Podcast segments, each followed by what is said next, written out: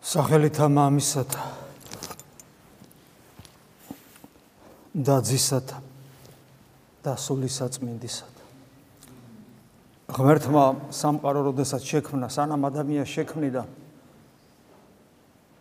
სამყარო თავისთავად მშვენიერია და დიდებული მაგრამ არაფერი იყო მასში ისეთი რომელსაც ამ ქნილ სამყაროში რომელსაც ღმერთის შესახებ რაიმე შეიძლება ცოდნოდა ან ღმერთთან მithumetes კავშირი დაემყარებინა. ამიტომაც სამყაროს შექმნას მხოლოდ იმდენად აქვს აზრი, რამდენადაც შეიქმნა სამყაროში ადამიანი, რომელიც ერთის ხური ქმნილებაა, როგორც ყველაფერი დანარჩენი და ქმნილებას ღმერთთან კავშირის უნარი შეუძლებელია კონდეს. იმიტომ რომ ქმნილებას სხვანაირად ყოფიერებს და ღმერთის სხვანაირად ამიტომაც იწოდება ის ტრანსცენდენტულად, აბსოლუტურად არანაირი კავშირი. შეუძლებელია რამე კავშირი კონდეს. რა თქმა უნდა, ღმერთ შეუძლია შემოვიდეს სამყაროში თავისი მადლით, ენერგიით და ყველაფრით, ღმერთი ყველგან არის, მაგრამ სამყაროს მისი აღქმის უნარი არა აქვს, ის როგორც ღორს არა აქვს, მაგალითად, ღმერთის აღქმის უნარი და არც მაიმუნს და არც ქვას. ფათაშორის ერთნაირად შეიძლება არ კონდეთ. როგორც ქვას, ისე მაიმუნს არ აქვს ღმერთის აღქმის უნარი. მაგრამ ადამიანი რო შექმნა თქვენ იცით, ჩვენ რაც გვწამს და ჩვენი რწმენა რასაც ეფუძნება, ჩვენი რწმენა ეფუძნება ჩვენს პირად გამოცდილებას, როცა ღმერთი ჩვენს გულს შეეხო, მე აქედან გამომდინარე ჩვენთვის გახდა უცილობელი ავტორიტეტი წმინდა წერილი და წმინდა წერილს ჩვენ ვკითხულობთ, როცა ღმერთი ადამიანს ხრის მასში თაბერავს თავის სიცოცხლის სუნთქვას. აი ეს საიდუმლოება, რომელიც აღესრულა უკვე შექმნილ ადამიანში ეს საიდუმლოება, საიდუმლოება, იმიტომ რომ ბოლომდე ჩვენ არ ვიცით ეს რა არის, წმინდა მამები სხვადასხვანაირად განმარტავენ, მაგრამ ფაქტია, რომ ეს საიდუმლოება განაპირობებს ადამიანის უნარს კონდეს ტრანსცენდენტულ ღმერთთან კავშირი. მეტიც, ეს საიდუმლოება განაპირობებს იმას, რომ ადამიანი იძენს ღვთაებრივ თვისებებს ჩანასახის მდგომარეობაში, ეს არის პიროვნულობა, ეს არის თავისუფლება, ეს საიდუმლოება განაპირობებს იმასაც, რომ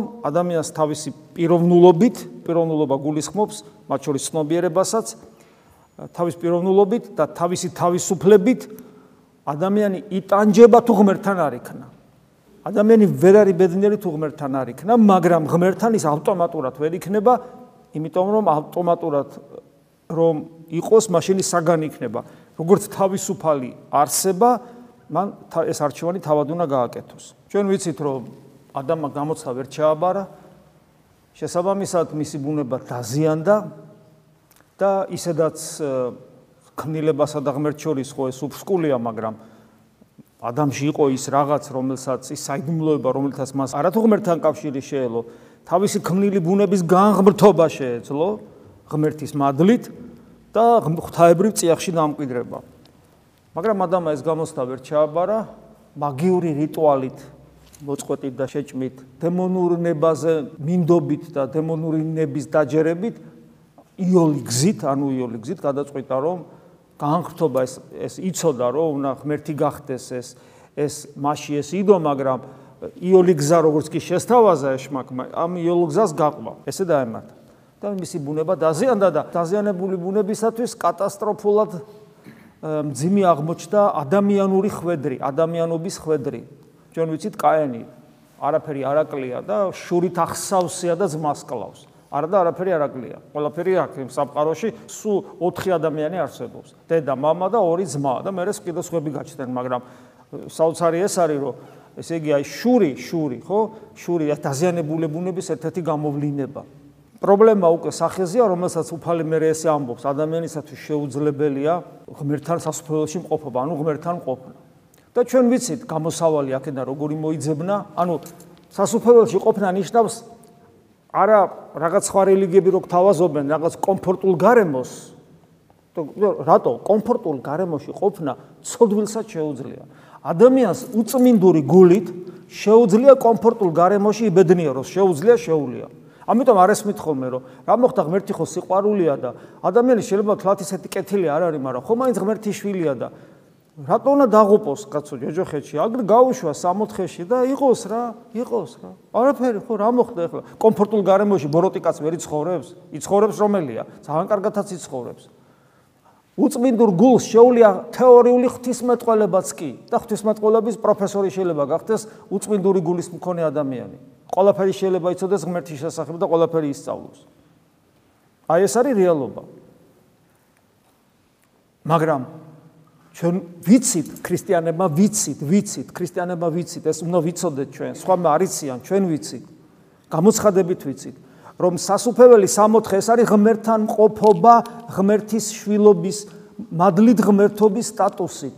ეს ნიშნავს იმას, რომ უკვე აქ ჩვენ უნდა გავხდეთ ტაძარი ღვთისა. ეს ნიშნავს იმას, რომ ჩვენ სიცოცხლეს უნდა ჩაენაცვლოს ქრისტე როგორც სიცოცხლე. და ჩვენ უნდა შეგვიძლია პავლე მოციქული თქვათ, რომ ჩვენ კი აღარა ვართ ცოცხალი, არამედ ჩემში ქრისტე ცოცხლობს.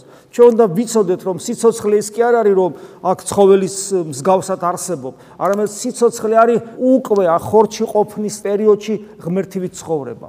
რომ ტაძარი, ტაძარი უნდა გავხდეთ ღვთისა. და საბოლოო ჯამში ეს ნიშნავს იმას, რომ ჩვენთვის 64 სასופველი ღმერთთან ყოფობა, მამის მარჯვნივ ჯდომა ქრისტესთან ერთად. ეს არის ღმერთობა, ეს არის ღმერთობა, მადლით ღმერთობა. ანუ რას ნიშნავს მადლით ღმერთობა? ანუ საფრთხო ენერგიით ღმერთობა. რას ნიშნავს ეს? მე და ღმერთს ერთი ენერგია გვაქვს. განსაცვიფრებელი, გონება მიუწვდომელი რეალობაა. მაგრამ ეს ხო შეუძლებელია, როგორ უნდა მოხდარიყო? ადამიანი შურით, ეგოიზმით, ანგარებით შეპყრობილია. აბსოლუტურად უუნაროა, აი როგორც პავლე ამბობს, ჩემს ხორცში სიკეთეს ვერ ხედავ, ხორცი არ არის მარტო ფიზიკური სხეული. ხორცი არის ამ შემთხვევაში მთლიანად ადამიანური ბუნება. ანუ პავლე მოციქული თანამედროვე ენით რო განმარტოთ ნიშნავს, რომ ჩემს ბუნებაში ვერანაირ სიკეთეს ვერ ხედავ. ეს ის პავლეა, რომელსაც შეეძლო ღმერთი ღვთაებრივ ენერგიებში ეხილა, მას ნათლის სახით ეცხადება უფალი. გესმით? პავლე მოციქული, რომელიც ღვთის ტაძარია, განღთობილია, აი ეს პავლე მოციქული ამბობს, რომ ჩემში, ჩემში ვერანაირ სიკეთეს ვერ ხედავ. გესმით? ამის დამარცხება აბსოლუტურად შეუძლება უვარგისია ჩვენი ბუნება. ადამიანური ნებისყოფით, ადამიანური ნებელობით, ადამიანური მეცადინეობით ის რეანიმაციას არ ექვემდებარება. და მოხდა რა? საოცრება. ადამიანი ხომ არის პიროვნება? თითოეული ჩვენგანი არის პიროვნება. ჩვენი პიროვნება არ ჩანს, მაგრამ ის რეალიზდება ჩვენივე ბუნებით. ადამიანური ბუნებით რეალიზდება. ჩვენი პიროვნება არ ჩანს, მაგრამ ის რეალიზდება ბუნებით და ჩვენი ბუნება და პიროვნება შეიძლება თქვას განუყოფელი, არ განიყოფა. არ განიყოფა. იესო ქრისტე აბსოლუტურად ჩვეულებრივი ადამიანია ბუნებით. ჩვენერი ხორცი აქვს, ჩვენერი სული აქვს, ჩვენერი ფსიქიკა აქვს, ჩვენერი ტვინი აქვს, ჩვენერი ორგანოები, ყველაფერი ჩვენერი აქვს, გარდა ერთისა, ის არ არის ადამიანური პიროვნება. ის არის ღვთაებრივი პიროვნება და ეს რას ნიშნავს? როგორც ადამიანურ პიროვნებასა და ადამიანურ ბუნებას შორის ზღვარი არ არის ფაქტიურად. აი ესე არის. ანუ ღმერთმა როგორც პიროვნებამ თავის თავში მიიღო იესო ადამიანი, რომელიც იშვა 2000 წლის წინ და რას ნიშნავს? ეს ნიშნავს იმას, რომ ღმერთსა და ადამიანს შორის საზღვარი აღარ არის. ადამიანი განიღმრთო. ქრისტეში ადამიანი განიღმრთო, მას ქვია იესო. განიღმრთო. ოღონ შეურევნელად. შეურევნელად, მაგრამ განუშორებლად. შეურევნელად, მაგრამ განუშო ადამიანი ადამიანად დარჩა ოღონ განხთობილია. ამაზე მეტი სიახლოვე ღმერთთან წარმოუდგენელია. და ამ ბუნებას გვიწილადებს ჩვენ ნათლობის, მირონცხების და ზიარების სახით. ჩვენ ხვდებით მისი სხეულის გაგრძელება და ეკლესია არის ქრისტეს სხეული, ქრისტესვე დაარსებული და ასე იწყება ჩვენი განხთობა. და ეს ყველაფერი რომ მომხდარიყო საჭირო იყო ის ვისგანაც ამ ადამიანურ ბუნებას მიიღებდა ისე რომ ის ვისგანაც მიიღებდა ამ ადამიანურ ბუნებას ეს ყოფილიყო მისი ნებაც. ანუ კი არ ეძალადა კი არ წაერთმია ადამიანური ბუნება ხო გესმით რას ნიშნავს თუმცა ქალს არ უნდა რომ ყავდეს შვილი ვინმესგან ცოტა ეს უხეში შედარება უკაცრავად, მაგრამ მისი ნება უნდა ყოფილიყო, მისი ნება უნდა ყოფილიყო და გახსოვთ მარიამის ცნობილი სიტყვები, იგი როგორ განაცხადებს, რომ ღვთის ნებას როგორ ემორჩილება. გარდა ამისა, ის უნდა ყოფილიყო უაღრესად მდაბალი, მას უნდა ქონოდა დამარცხებული ვნებები, განსაცვიფრებლად. ვნებები კი არ გამქრალა მასში, არამედ დამარცხებული ყავდა ის მეომარია, სულიერი მარიამი. და ყველაზე მთავარი მნება სიამაყეა მასში დამარცხებული, იმიტომ რომ წარმოგიდგენიათ, მიწაზე დადის ადამიანი შუახნის მერე გადაცილებული ხო ზოგი სხვადასხვა ვარაუდით 60 წლის იყო რომ გარდაიცვალა სხვა ვარაუდით 70-ის რაღაც ესეთი მარიამი და მან იცის რომ ის ვინც გააჩინა მარჯვენით მამისა ზეცაში შემოქმედი ღმერთი გესმით ეს უბრალოდ წარმოუდგენელია წარმოუდგენელია რა შეიძლება ადამიანს დაემართოს თუ მასში პატარა მაინც სიამაყეა რომელიც რა საშილად ამოიყრიდა ყლორტებს და ესეთი ადამიანი მოიძებნა ამ ადამიანის მოძიებას დაჭირდა საუკუნეები და საუკუნეები. გაჩნდა ესეთი ადამიანი, იმიტომ რომ ადამიანი თითოეული ადამიანი უნიკალურია. და ხედავთ ღვთისმშობლის სიდიადე რა არის. ანუ ის ღმერთსა და ადამიანს შორის თითქოს ზღვარი წაიშალა და ადამიანი გახდა ღმერთით იესოში, ქრისტეში ადამიანური ბუნება გამდიდრდა ყოვლითურ ღვთაებრივი ენერგიებით, სრულად გამდიდრდა, არა ზომით, როგორც პავლე მოციქული ამბობს, არამედ თელი სისავსით, როგორც პავლე ამბობს, მთელი ღვთაებრიობა დაამკვიდრდა ქრისტეში. ხორციელად აი ესე და ეს ყველაფერი მოხდა იმიტომ რომ მარიამი იყო. მარიამი გახდა ტაძარი ღვთისა. ტაძარი მასში ღმერთი ჩაისახა გასმით? აი ეს მოხდა. და დღეს სწორედ მარიამის შობას ვზეიმო ამიტომ დღევანდელი დღე ძალიან ძვირფასია. ძვირფასია რა თქმა უნდა თითოეული ჩვენგანისათვის. მაგრამ მეორე ხრივ რას ნიშნავს? ღვთისმშობლის ხსენება დღესასწაულობთ. რას ნიშნავს? თუ მე ამ ყოლაფრის თანამონაწილე ამ ყოლაფრის თანაზიერი მე თუ არ ვიქნები. რას ნიშნავს ეს? აი როგორ როგორ უნდა მე რა უნდა გავაკეთო? აი მე მე რა უნდა გავაკეთო იმისათვის აი წეგანაც გითხარით ღვთისმეტყველება თეორიული. თუ გინა ღვთისმეტყველების რა ვიცი აკადემიკოსი იყავი შესაძლებელია უწმინდური გულით იმიტომ რომ ეს ენა ენა ის არის რა ძვალი არა ყველაფერს ილაპარაკებს. მაგრამ იმიტომ რომ ღმერთზე ვლაპარაკო. ღმერთზე საუბარი ადვილია მაგრამ ღმერთთან საუბარი. და ყველაფერი იმის ჩემში რეალიზება რასაც ღვთისმეტყველება მეუნება ღმერთი არის ყოვლადწმინდა სამება გავიგე. ძე ღმერთი განკაცდა გავიგე. იესო ქრისტე სრული ღმერთი და სრული სრული ადამიანი. ორი ბუნება ერთი პიროვნება ორი ნებელობა გავიგე. და ეხლა რა ვქნა? გავიგე ეს ყველაფერი. რა, არიცით, ან ეკლესიის ისტორიაში არ ვიცით, ან საკუთარი თავი არ ვიცით, რომ ეს ყველაფერი კი ვიცი, მაგრამ რაც ვიყავი, იგივე დავრჩი. არაფერი არ იცვლება. ისევ ისე შემიძლია გქონდეს ეგოიზმის, მრისხანების, უსიყვარულობის, შურის შემოტევები ჩვეულებრივად ექსტრემალურ სიტუაციაში ფეთქდები, რამე შეიცვალა? და კითხვა ჩდება, მე რა გავაკეთო? რა გავაკეთო, რომ ამ ცოდნა ტყილ არ გაიაროს ჩემს გვერდზე თორე უფლის სიტყვები ხონა მახსოვდეს ვინც მეტი იცის მეტად დაიჯება იმიტომ რომ იცის და ამ ცოდნის შესაბამისად არ ცხოვრობდა კითხვას არ სვავს ადამიანი რა გავაკეთო მე რა გავაკეთო მე რომ ღვთის ტაძრად ვიქცე? და რომ ამდენი წელი ვაკეთებ და არაფერი გამომდის ხომ არ ვაშავებ რამეს? გავიდა ცხოვრება და ამბერდით ყდებით მალე ვერ ვასწრებთ. ღმერთი არ გვიხილავს ისე ყდებით და როდის როდის უნდა ვიხილოთ ღმერთი? როდის? როდის? თუ ჩვენ არა გვაქვს უნარი ღვთის ხილვისა?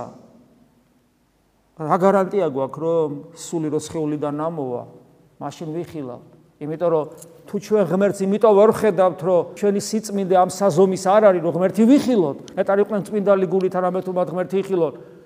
რა გარანტია მაქვს რომ შეულიდან რო ამოვალ და დაუცველი აღმოჩნდები დემონური სამყაროს წინაშე? რა გარანტია მაქვს რომ ის რაც სუბიექტური განცდები მქონდა ყველაფერი ხიბლი იყო და რა გარანტია მაქვს რომ ეშმაკებს არ ჩაუვარდები ხელში? და დრო ყოველ წამიერად თუ რა აქ მოხვედით? იმის მერე 1 საათზე მეტი გავიდა და 1 საათი მოგაკლდათ ცხოვრებაში. აქ რომ მოხვედით? 1 საათი მეტი ქონდათ სიცოცხლის ამ ქვეყანაზე მოგაკლდათ ეს 1 საათი. ასე გაკლდება სულ არ გვემატება გვაკლდება. ამიტომ ეს კითხვა მუდამ უნდა დავსვა. და დღევანდელი სამოციქულოს მიხედვით რამდენიმე ამონ არის წაიკითხავთ. აი მაგალითად პირველი როგორ არ უნდა ვიცხოვროთ. პავლე მოციქული ამაზე საუბრობს. როგორ არ უნდა ვიცხოვროთ. ნუ რას ჩაიდენთ ჯიბრით და ამპარტავნებით. არამედ სიმდაბლით და საკუთარ თავზე უმეტესად მიიჩნევდეთ ერთი მეორეს. როგორ გვაკლია ჩვენ ეს? საკმარისია მოყვასი ოდნავ შემეხოს. აი ოდნავ შემეხოს იმ წამსვე ჩემს მისდამი გაღიზიანებას, მრისხანებას არაფერი არ აოკებს, საზღვარი არ აქვს აი ამ ყველაფერს. ვერაფრით ვერ მიჭერ საკუთარ თავს. და როცა ვიცით, რომ сахарებას ვეწინააღმდეგებით, მაინც არ შეგვილია საკუთარი თავის დაჭერა, არ შეგვიძლია. და რატომ? იმიტომ რომ ჩვენ ყოველთვის სხვა ადამიანი ჩვენზე უარესად მიგვაჩნია. და პავლე მოციქული გვეუბნება, რომ საკუთარ თავზე უმეტესად მიიჩნევდეთ ერთი მეორეს. ანუ მე რო შენ გიყურებ, უნდა ვფიქრობდი რომ შენ ჩემზე უკეთესი ხარ, უკეთესი ხარ. მაგრამ ესე არ არის. და თუ ესე მგონია, ესე ხედავ, თუ ადამიანს ხედავ ესე რომ ჩემზე უკეთესები არიან, მე ხო აღარასოდეს განვიკითხავ ვინმეს. მარტო თავის თავზე ნუ კი ზრუნავს თითოეული ჩვენგანი, არამედ სხვებზეც იზრუნოს. ეს ისწავლება ოჯახში. ოჯახში, როცა ზრუნავ მეუღლეზე, შვილებზე, მშობლებზე, შვილიშვილებზე, ეს ისწავლება მეგობრებშიც რა თქმა უნდა. ეს ისწავლება ეკლესიაში. ამიტომ გეუბნებით ხოლმე, აი ხშირად ადამიანები ბერდებიან ისე ეკლესიაში, რომ მრევლის წევრები არ ხდებიან. მოდიან ინდივიდუალური მსახურებისთვის, ამაზე ხშირად გეუბნებით. ისე დაბერდა ზოგი ეკლესიაში, რომ ინდივიდუალურ მსახურებას აღარ მოდის თვითონ ახსარება სიტყვის ეზიარება წავა. არ არის ოჯახის ნაწილი არ ხდება. ეს მდგომარეობა თქვენ გაზიანებთ. თუმეტეს თუ ამას ობიექტური მიზეზი არ აქვს. უნდა ისწავლოთ ერთმანეთის სიყვარული და აქ არის ამ ამ ხრივ აკადემია ხშირად მithქვავს. და თქვენ უნდა გქონდეთ ეს პატრიოტული, ოჯახური განცდა დამოკიდებულება სამრევლოსადმი, სამრევლოსადმი. არ უნდა იყოთ პრეტენზიული ვისწავლოთ უანგარო მსახურება ეკლესიაში ღვთისადმი. უანგარო უანგარო. ამას თუ არ გავაკეთებთ ამას თუ არ ვისწავლი და თუ გვექნება ეს რაც ბუნებრივად გვა მე მე მე კაენის მსხვერპლის შემწირავნი ვიქნებით. ამიტომაც ამბობს რომ თავზე ნუ კი ზრუნავს თითოული თქვენგანი არამედ სხვებზე იზრუნოს და პავლემოცკული სხვა ადგილას ამბობს რომ ყველაფერი ეკლესიის აღშენებლობისათვის კონდეთ რაც ნიჭები გაქვს და არა მე მე მე მე მე. ეს დამწყებ ადამიანს მოდი დღესაც ქონა ახსარებები ოთხშაბათს. რატომ მოხდი უნდა სიმშვიდე მინდა. ქრისტიანი სიმშვიდეს არ ეძებს. სიმშვიდე თუ გინდათ ბუდიზმში ნირვანა რა ვიცი. ჩვენ ვეძებთ ბძოლას და ომს ქრისტესათვის. ამასოფლის სულთან საკუთარ დაცემულ ბუნებასთან დემონურ ძალებთან საკუთარ ეგოიზმთან ანგარებასთან პრეტენზიულობასთან გესმით მე მინდასთან მე მინდასთან არის ბრძოლა რა სიმშვიდე? არ ვიცი სიმშვიდე რა არის. რა რა იგულისხმება? მე მისინდა სიმშვიდე. რა იგულისხმება ამ სიმშვიდეში?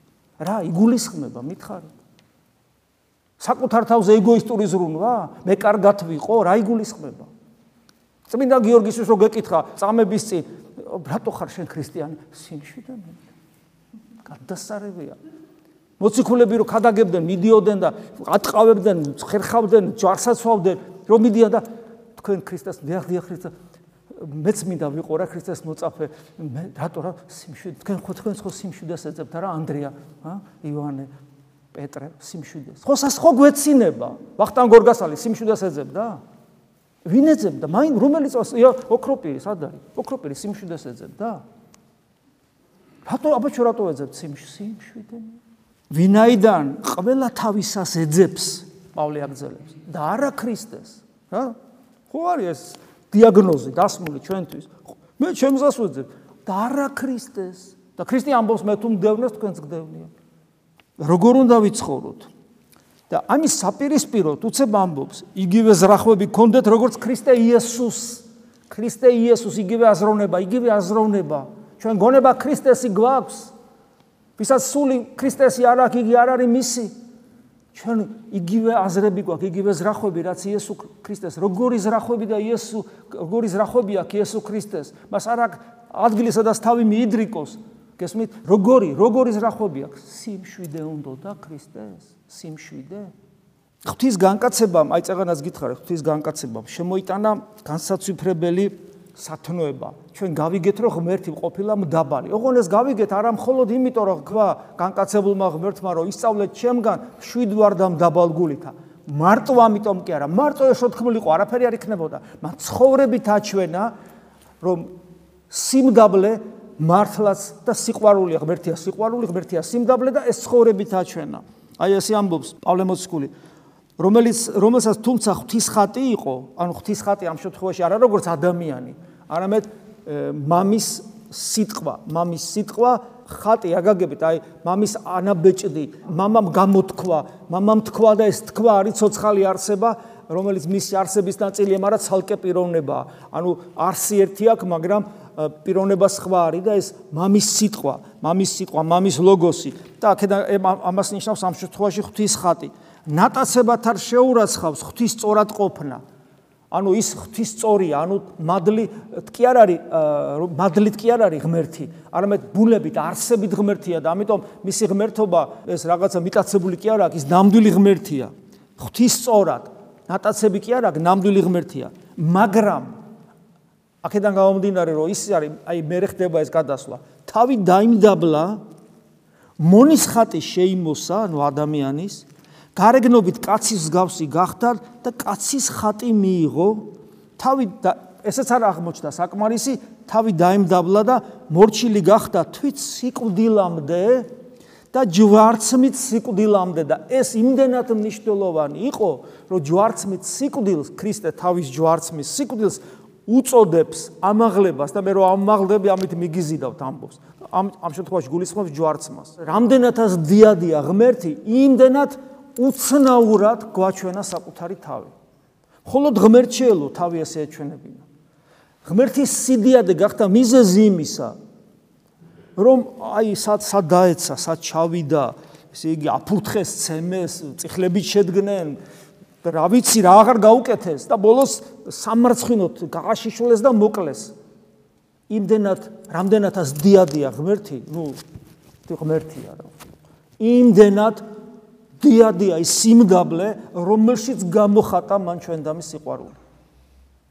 და ამიტომ ამიტომ მისი მთავარი თვისება ღმერთი რო ძლიერია და ღონიერია და ყოვლი შემძლეა და ეს ეს ეს ხო გასაგებია, მაგრამ აი ასეთი სიმდაბლე ამგვარ მორჩილებაში გამოხატული და ეს ყველაფერი ჩემს დასანახავად რომ მე მიმიზიდოს და მისნაირი გავხდე ეს ყველაფერი გააკეთა იმდენად ძლავრად, რომ აგერ 2000 წელი გავიდა და დღეს მის ჯვარცმაზე ვლაპარაკობთ ისევ და მის შობელ დედას ვადიდებთ, იმიტომ რომ ეს საოცრებაა, ხო, რომ ესე იგი ჯერ როგორი სიმდაბლე უნდა ქონოდა ღვთისმშობლეს, რომ ეს ყველაფერი დაეტია და ისე მდუმარეთი როგორც сахарებაში რომ თითქმის არაფერი არ წერია. აი ესე მდუმარეთ, ჩუმად, ყველასგან არანაირი თავის გამოჩენის არაფერი არ ყოფილა მასში, როგორც сахарებაში ჩანს თითქოს ეს მისია ეს მისი სიმდაბლე თითქოს არ ჩანს თითქოს არ არის. აი ეს ეს რამხელა რამხელა სიმდაბლე უნდა ქონოდა. რა შედეგს გამოიღებს?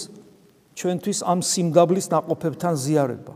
ქრისტეს რო ვეზიარებით სიმდაბლის სიმდაბლეს ვეზიარებით ამიტომაც აღამაგლა იგი ღმერთმა.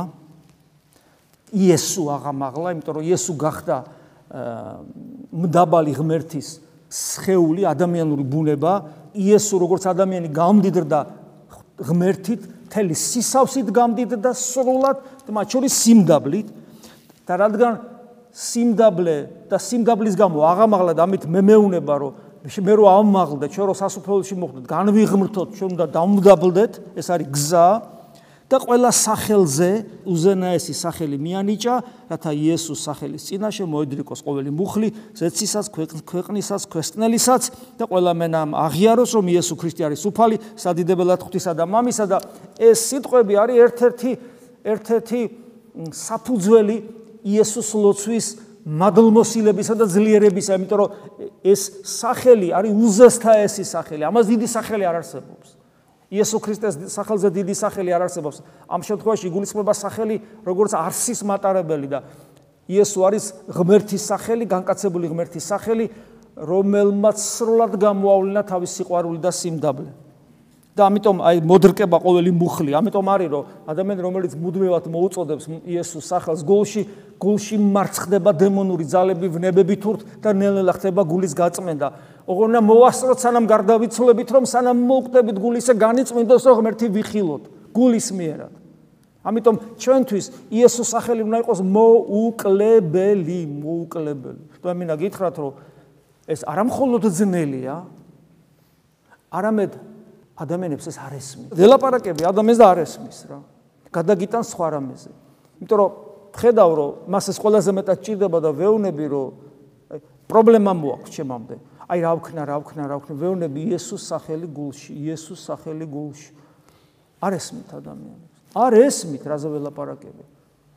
მათთვის საინტერესო არ არის. ხილათ ვიყოთ ჩვენ სამ მდგომარეობაში არ აღმოჩნდეთ ჩვენ ეს არ გვესმოდეს რაზეა საუბარი რადგან ღმერთია ის ვინც ბადებს თქვენში ნდომასაც ქმედებასაც ეს მით აი აქაც ჩანს ღვთის ნება კეთილი ნება რომელიც ჩვენში ჩვენ გვეხმარება რომ კონდეს სურვილი და ქმედებას ანუ რწმენა ღმერთთან ყოფნის სურვილის და შესაბამისი ქმედებას ღმერთი ყველაფერში გვეხმარება ოღონ ერთი რამეა საჭირო რომ ჩემი უკეთური ნება დავამარცხო და ამიტომ ვეხვეწები ღმერთს იყავნება შენი რომ მისი კეთილი ნება ჩემში აღსრულდეს. და თუ ჩემში მისი კეთილი ნება დაიწყებს მოქმედებას იესოს სახელი წმენს წმენს ჩემს გულს მე მგონი სამშაბათსაც გითხარით რომ ჩემსა და ღმერთ შორის არის ბარიერი აი დღესაც ვიმსახურეთ ღმერთი თუ ვერ ვიხილეთ და ვერ ვიხილეთ მიზეზი რა არის უწმინდურობა სიწმინდე არა გვაქვს და აი იესოს სახელია რომელიც წმენს ადამიანს და შემდეგ პავლე მოციქული აღგზელებს რომ რათა ვიყოთ უბიწონი და უმანკონი ღვთის უმციკლო შვილნი. უბიწო, უმანკო, უმციკლო შვილი ღვთისა. სიწმინდე უნდა იყოს ჩვენში, სიწმინდე სიწმინდე თუ არ იქნა ჩვენ ვერ ვიხილავთ ღმერთს, ვერ ვიხილავთ ღმერთს. და ამის საპირისპირო, ნახე როგორ ამბობს, რათა იყოთ უბიწონი, უმანკონი ღვთის უმციკლო შვილნი უკუღმართ და გახწნილ მოდგმაში. სამყარო, რომელშიც ჩვენ მიმყოფებით, რომლის თავადია, რომლის უფროსი არის ეშმაკი, არის უკუღმართი და გახწნილი. მიდის დიდი დინამიკით, დიდი ინტენსივობით მიდის ანტიქრისტეს გამეფებისაკენ. ის თავაზობს ხორციელ ცხოვრებას, თელი თავის სიამეებით. და ძალიან ადვილია რომ წარგვიტაცოს, ჩვენი შვილები წარიტაცოს და დაღუპოს. და ერთადერთი გამოსავალი არის რომ ხელი ჩავჭიდოთ იესოს, რომელმაც უნდა ამ დინებიდან გამოგვიყვანოს და დინების საწინააღმდეგოდ გვატაროს. და აი ამ გახსნილ და უკეთურ მოდგმაში უცებ ესეთ რამეს გვეუბნება პავლე. აი ამ მოდგმაში თქვენ რომელშიც უნდა ბწყინავდეთ როგორც მთიებნი ამ მთიერი აი ვარსკვლავი. როგორც ვარსკვლავები ისე უნდა ბწყინავდეთ როგორც მთიები ისე უნდა ბწყინავდეთ ბწყინავთ ჩვენ. ბწყინავთ ჩვენ. ჩვენი მდგომარეობა როგორ უნდა იყოს? ამ ناقოფებს რო ვეზიაროთ კიდევ ერთხელ კითხვა ვსვავთ და პასუხი არის ქრისტეს სიტყვებში. დღეს რო სახარებაში წავიკითხეთ დღეს ლუკას სახარებაში. ნეტარ არიან რომელთა ისმინონ სიტყვა ღვთისა და დაიმარხონ ანუ არა ისა რომ ავირეკლოთ და არ მაინტერესებს და არ მესმის ვისმინო და დავიმარხო ანუ გული გაუხსნა ღვთის სიტყვას. და ამ მდგომარეობაში რომ მოვიდეთო ჩვენში ღვთის სიტყვა დაიმარხოს კიდევ რა არის საჭირო? როგორ ვიცხოვროთ კიდევ კითხვა სვავთ და ისევ დღევანდელი სახარება. მარიამ რომელი დაждდა ფერხთა თანა იესოსთა და ისმენდა სიტყვათა მისთა. მარიამის მდგომარეობა. რომელსაც ქრისტეს გარდა არაფერი არ აინტერესებს. არაფერი არ აინტერესებს. და უფალი ესე ამბობს ასეთ ადამიანებზე. მიუგო იესო და რქვა მარიამ კეთილი ნაწილი გამოირჩია რომელი არასადა მიიღოს მისგან ანუ მარადისობაში წარწარერთმება ანუ თუ ჩვენი ცხოვრების საზრისი ამ სიტყვის დიდი გაგებით გახდება იესო ქრისტე თუ ჩვენი ცხოვრება იქნება ისე რომ ხელები თავის საქმეს ამ ქვეყნიურ ვალდებულებებს აღასრულებენ და გული მუდამ ჭრეტველობას ეცდება ქრისტესი რომ გულის თვალი არ მოვაცილოთ ქრისტეს როგორც მარიამი არაცილებდა ეს იქნება იმის დასაწყისი, რაც ჩვენ მარადისობას შეგვიყვანს და თავად ეს არის ის სათნოება, რომელიც არასოდეს წაგვერთმება, რას ნიშნავს არასოდეს წაგვერთმება? სულ ქრისტესთან ვიქნებით, იმიტომ რომ ჩვენმა გულმა ისე იცხოვრა ამ სამყაროში, რომ მას უნდოდა სულ ქრისტესთან ყოფნა. ასეთი იყო ყოვლა წმინდა ღვთისმშობელი. ამიტომაც იწვირთ ამან ღმერთის დედობა. და ჩვენ რა თქმა უნდა მადლიერნი ვართ, იმიტომ რომ ეს ყველაფერი ასე ჩვენ საუბრობთ. იმიტომ მოხდა, რომ ღმერთი განკაცდა. და ღმერთი განკაცდა იმიტომ, რომ ღმერთმა იპოვა მარიამი, ყოვლად უცნაური სიმდაბლის მქონე ადამიანი. რომ არა ესეთი ადამიანი ღვთის განკაცება არ მოხდებოდა. ამიტომ გულწრფელად მოგილოცავთ დღევანდელ დღეს, როცა ჩვენ ვზეიმობთ ჩვენი დედუფლის, ჩვენი დედის შობას და ვეცადოთ რომ ეს ყველაფერი ჩვენში რეალიზდეს. არ გაუმტყუნოთ უფალს, რომელმაც ჩვენ რწმენა მოგცა. ამინ. მადლი უფლისა ჩვენისა იესო ქრისტესი და სიყვარული ღვთისა და მამისა და ზიარება სული საწმინდისა იყოს თქვენ ყოველთა თანა. ამინ.